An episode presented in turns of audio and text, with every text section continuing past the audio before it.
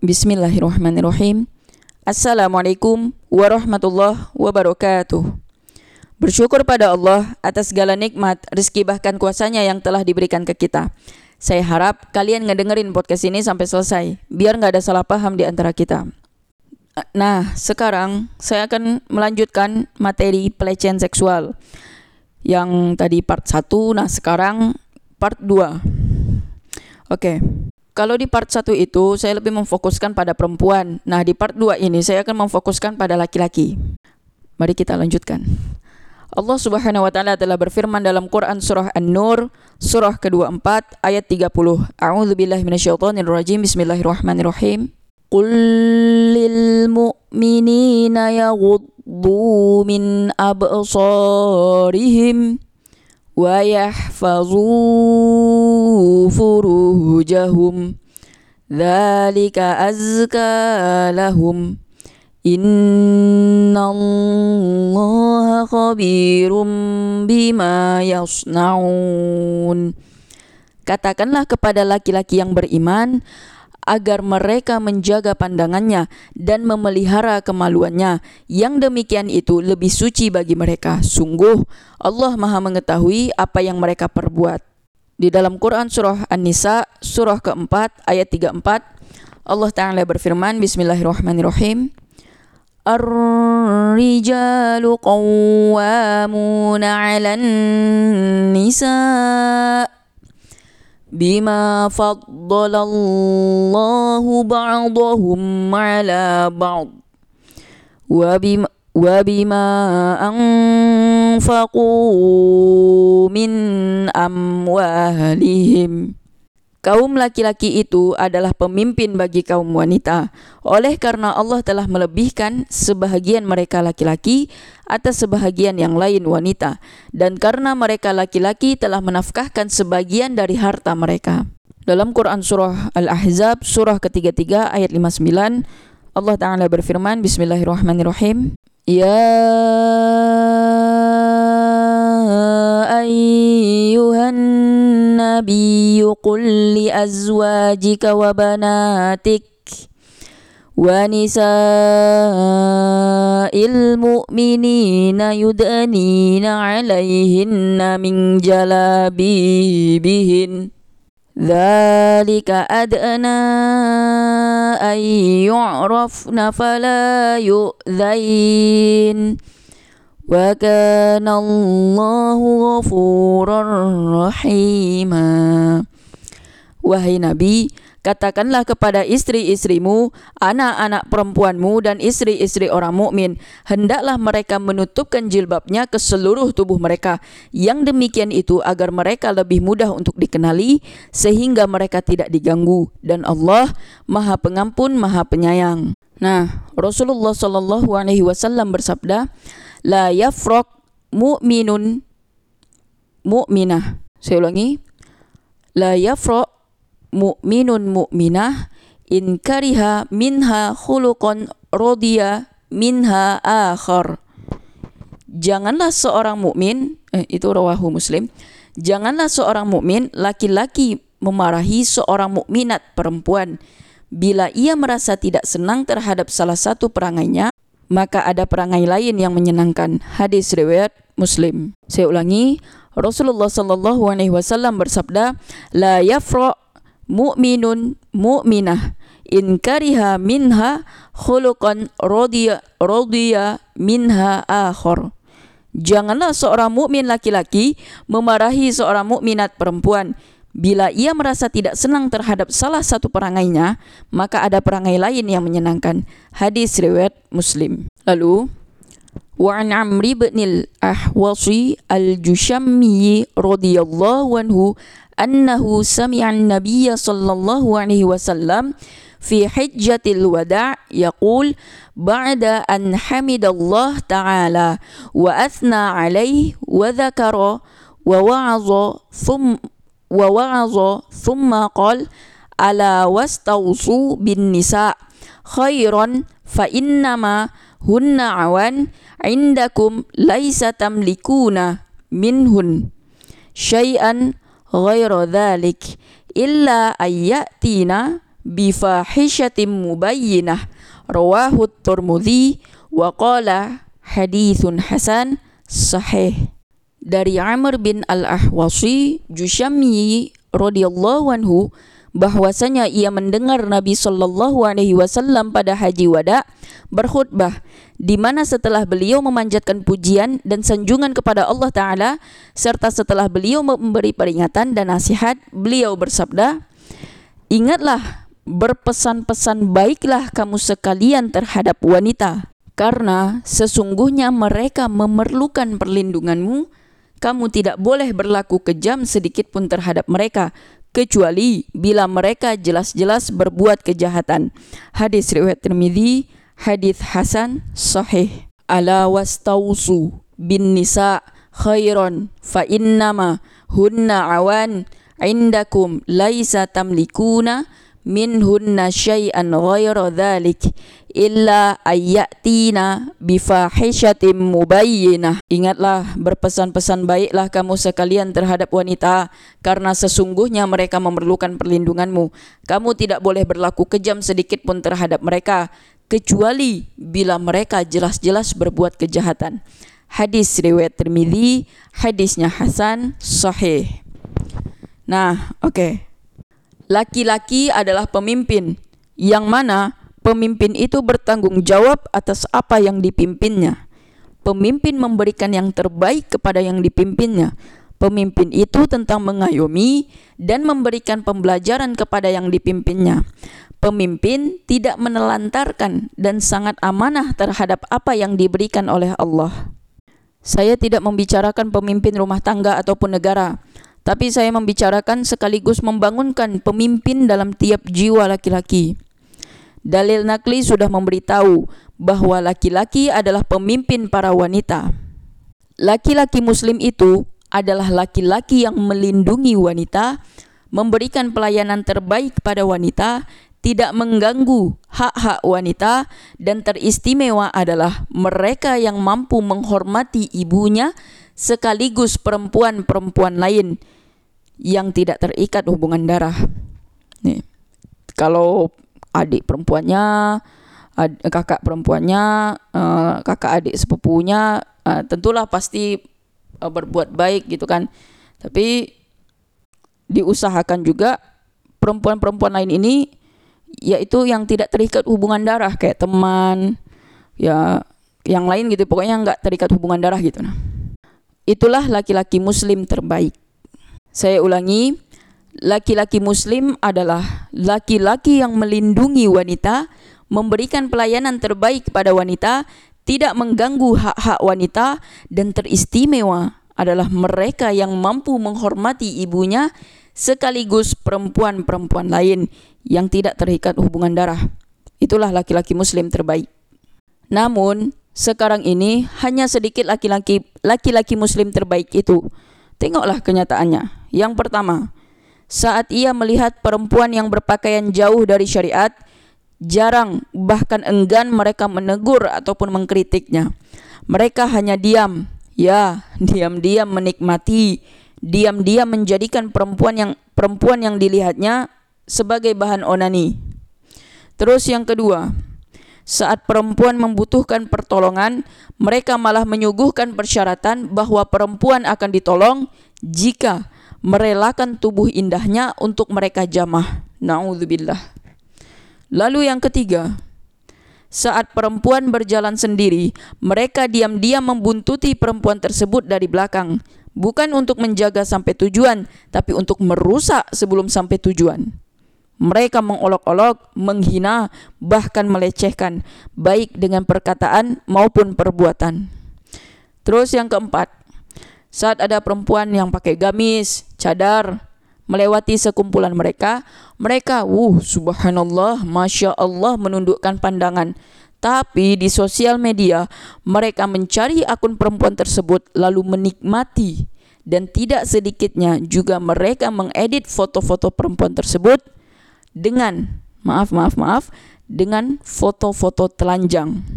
Terus yang kelima, berlalu lalang di sosial media, lalu menggunakan modus penelitian skripsi padahal tujuan awal ingin melihat tubuh wanita. Jadi ada tuh waktu tuh entah kalian pernah lihat dengar atau gimana. Jadi waktu tuh ada yang ini viral di sosmed. Uh, dia nih pengen ngelecehin cewek ya kan. Nah karena nggak tahu caranya dia bilang lah uh, saya ada penelitian skripsi. Nah boleh fotoin kakinya nggak? Boleh fotoin tangannya nggak? Pakai kaos kaki? Eh, kalau bisa pakai kaos kaki gitu. Nah sehabis itu, nah si cewek ini percaya-percaya aja lagi ya. Nah dan naas nahasnya anggota tubuh perempuan tersebut yang si korban ini nah si pelakunya malah menggunakan untuk bahan onani atau pelecehan gitu. Ya ini sebagai saran aja sih untuk cewek-cewek ya. Kalau ada orang tidak kenal terus nyuruh kita foto anggota tubuh jangan percaya. Modus saja tuh. Jangan kalau dia bilang penelitian skripsi nggak usah percaya lagi. Uh, orang-orang kayak gitu tuh orang sakit gitu nah karena bisa aja kan dengan melihat kaki tangan terus pakai kaos kaki uh, hasrat seksualnya tuh naik gitu. Itulah yang harus diwanti-wanti gitu. Nah perbuatan-perbuatan mereka ini lima perbuatan ini sangat menyedihkan dan rendahan. Serius rendahan tahu udah apalagi pelakunya adalah laki-laki muslim. Teruntuk kalian, laki-laki muslim, saya mau bertanya, apa kalian rela perempuan-perempuan dalam keluarga kalian dilecehkan bahkan dihinakan oleh laki-laki di luar sana? Kalau kalian tidak rela dan merasa kesal, lalu kenapa kalian lakukan pada perempuan-perempuan di luaran sana? Saya ulangi. Apa kalian rela perempuan-perempuan dalam keluarga kalian dilecehkan bahkan dihinakan oleh laki-laki di luar sana? Kalau kalian tidak rela dan merasa kesal, lalu kenapa kalian lakukan pada perempuan-perempuan perempuan di luar sana? Kalau alasan kalian melecehkan perempuan itu untuk mencari jati diri, terus karena penyebabnya orang tua kalian cerai, cinta ditolak, maka maaf, maaf, maaf saya katakan Kalian adalah laki-laki muslim yang sangat rendahan, tidak pantas dicintai oleh perempuan mana pun, termasuk ibu kalian sendiri. Dan laki-laki muslim terbaik tidak menyalahkan keadaan, tapi menerima keadaan. Laki-laki yang tidak bisa menghormati perempuan, maka tidak ada bedanya dengan monster, dan kalian tidak kurang dari binatang. Saya juga sering memperhatikan baik secara langsung maupun tidak langsung, tidak langsung nih lewat berita atau informasi dari orang lain. Laki-laki muslim sekarang walaupun tidak semua tapi banyak gitu nah. Itu menganggap perempuan sebagai objek, bukan subjek. Maaf, saya harus luruskan satu hal. Manusia adalah subjek. Bagaimanapun manusia itu, cacat atau tidak, normal atau tidak, manusia adalah subjek. Sampai kapan pun dia adalah subjek bukan objek. Saya ulangi, manusia adalah subjek, bukan objek. Perempuan bukan untuk ditelanjangi dan perempuan bukan hiburan syahwat kalian, tapi perempuan adalah pelengkap hidup kalian. Salah satu ustadz pernah mengatakan, perempuan itu tercipta dari tulang rusuk kiri, dekat ke jantung hati untuk dicintai, dan dekat ke tangannya untuk dilindungi. Sinilah saya tanya ke kalian ya. Apa kalian senang dan bahagia melihat perempuan yang bukan istri kalian itu menari, menggoda, dan memperlihatkan tubuhnya pada kalian? Apa kalian senang dan bahagia? Seriuslah, kalau kalian merasa terhibur, tolong bertaubatlah sebenar-benar taubat. Saya sangat paham bahwa perempuan adalah fitnah terbesar bagi laki-laki. Tapi dengan kalian menganggap kami sebagai objek, itu sudah melampaui batas. Kami bukan hiburan syahwat kalian, kami adalah saudara seiman kalian. Dan bagaimana bisa kalian melecehkan saudara sendiri? Kami bukan hiburan syahwat kalian, kami adalah saudara seiman kalian. Dan bagaimana bisa kalian melecehkan saudara sendiri? Kalian tahu tidak sih? Para keluarga di rumah sangat melarang kalau perempuan-perempuan mereka keluar rumah sendirian. Selain karena perintah Rasul, Alasan mereka lainnya adalah karena di luar sana ada laki-laki muslim yang akan melakukan perbuatan rendahan dan kalianlah salah satu di antaranya. Oke. Kalian tidak mungkin melakukan perbuatan tanpa ada penyebab. Tapi setidaknya kalau kalian setidaknya kalau perempuan yang kalian lihat itu hampir atau sudah membangkitkan syahwat kalian, ya kalian tolong tegur dan setelah itu tinggalkan perempuan tersebut. Bukan malah kayak menggoda terus menikmati terus maaf maaf terjadi pelecehan seksual. Enggak weh. Jangan kayak gitu. Nah saya kasih tahu jangan sekali-kali kalian lampiaskan syahwat kalian selain ke istri kalian sendiri. Ya tolonglah tinggalkanlah kebiasaan atau profesi buruk kalian ini yakni melecehkan perempuan jika kalian tidak meninggalkannya, maka tolong jawab pertanyaan saya. Tolong jawab pertanyaan saya. Laki-laki muslim mana yang harus kami percayai untuk menjadi suami kami sekaligus ayah bagi anak-anak kami jika laki-laki muslim sekarang ini selalu menganggap perempuan sebagai objek? Laki-laki mana yang harus kami percayai? Saya ulangi. Laki-laki muslim mana yang harus kami percayai untuk menjadi suami suami kami sekaligus ayah bagi anak-anak kami jika laki-laki muslim sekarang ini selalu menganggap perempuan sebagai objek.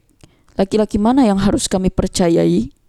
Kalian selalu ingin mendapatkan perempuan terbaik untuk dijadikan istri dan ibu untuk anak-anak kalian. Tapi, kalau kalian merusak banyak perempuan, lalu perempuan terbaik mana yang tersisa untuk kalian? Mikir gitu nawe. Kalian rusak semua perempuan. Banyak kalian rusak. Tuh perempuan terbaik mana yang tersisa untuk kalian gitu? Demi Allah kalau kalian memang bertauhid dengan sungguh-sungguh ridho Islam sebagai agama yang benar Allah adalah Tuhan Rasulullah adalah sebaik-baik teladan maka tolong muliakan dan lindungi para perempuan baik yang ada di rumah maupun di luaran sana Islam sungguh memuliakan perempuan. Dalil naklilah sebagai buktinya. Nih ya, coba kalian iseng nanya sama perempuan yang kalian kenal, eh, tapi bukan keluarga kayak teman kalian lah gitu nah. Terus nanya kalian, kamu merasa takut dan khawatir nggak dengan kehadiranku? Kalau dia jawab iya, maka bertaubatlah sebenar-benar taubat dan minta maaflah padanya. Tapi jika tidak, maka bersyukur dan pertahankanlah itu semua. Sebagai pengetahuan kalian aja ya, kehormatan perempuan sesuatu paling berharga bagi setiap perempuan. Kehormatan perempuan adalah sesuatu paling berharga bagi setiap perempuan. Kalau kalian lecehkan kehormatannya, demi Allah, mental dan tubuhnya juga berpengaruh gitu nah. Sikisnya kena weh. Nggak kasihan kalian doh. Cewek-cewek di luaran sana terus kalian ganggu, kalian goda, maaf-maaf sampai kalian lecehkan. Mentalnya kena, terus sakit dia weh. Fisiknya tuh sakit. Semuanya sakit gitu. Mengalami trauma lah, apalah. Itu pikirkanlah mereka gitu nah. Masa iya kalian bisa menghormati perempuan di rumah kalian sedangkan perempuan di luar sana kalian seenaknya kalian lecehkan aja gitu nah. Ya janganlah kayak gitu ya, berubahlah lagi. Kalau kalian memang mencintai ibu kalian, maka tolong cintai juga perempuan-perempuan perempuan-perempuan di luar sana, yakni dengan cara menghormati dan melindunginya. Dan bukti cinta yang paling jujur adalah saat kalian menegur cara berpakaian dan tingkah laku kami yang jauh dari syariat. Bukti cinta yang paling jujur adalah saat kalian menegur cara berpakaian dan tingkah laku kami yang jauh dari syariat. Demi Allah, dalil nakli sangat memuliakan kami, maka kami juga ingin kalian sebagai laki-laki muslim, saudara seiman kami, memuliakan kami. Lakukan hal agar kami merasa aman di saat berada di luar rumah. Lindungi dan cintailah kami sebagaimana kalian mencintai perempuan-perempuan di keluarga kalian. Jadilah pemimpin terbaik yang bertanggung jawab terhadap apa yang dipimpinnya. Nah, sebagai penegasan aja, saya cuma ngasih tahu nih, serius. Perempuan bukan objek. Perempuan itu subjek. Ya, saya tidak tahu kenapa kalian menganggap para perempuan itu sebagai objek gitu. Serius, saya yang dengar aja sedih gitu nah. Ya gini loh weh, kalau kalian tidak rela uh, perempuan-perempuan di, di keluarga kalian itu dilecehkan, dihina, ditelanjangi, terus ya pokoknya di komentar dicabul sama orang lain, ya kenapa kalian uh, kayak melakukan hal yang di luar nalar gitu. Kalian bisa ngehormatin, ngehargain perempuan di keluarga kalian, tapi kok susah banget untuk perempuan-perempuan di luaran sana gitu nah. Jadi berubahlah lagi ya, serius. Jangan sampai kehadiran kalian tuh buat kami para perempuan tuh takut, jangan sampai lah ya. Nah, paling itu tentang pelecehan seksual yang part 2-nya. Nah, saya akan melanjutkan yang ke part 3-nya. Maaf kalau ada kesalahan, kekasaran dalam uh, dan kelebi kelebihan dalam penyampaian. Sesungguhnya kelebihan datang dari Allah Subhanahu wa taala, kekurangan datang dari diri saya sendiri. Thayyib. Assalamualaikum warahmatullahi wabarakatuh.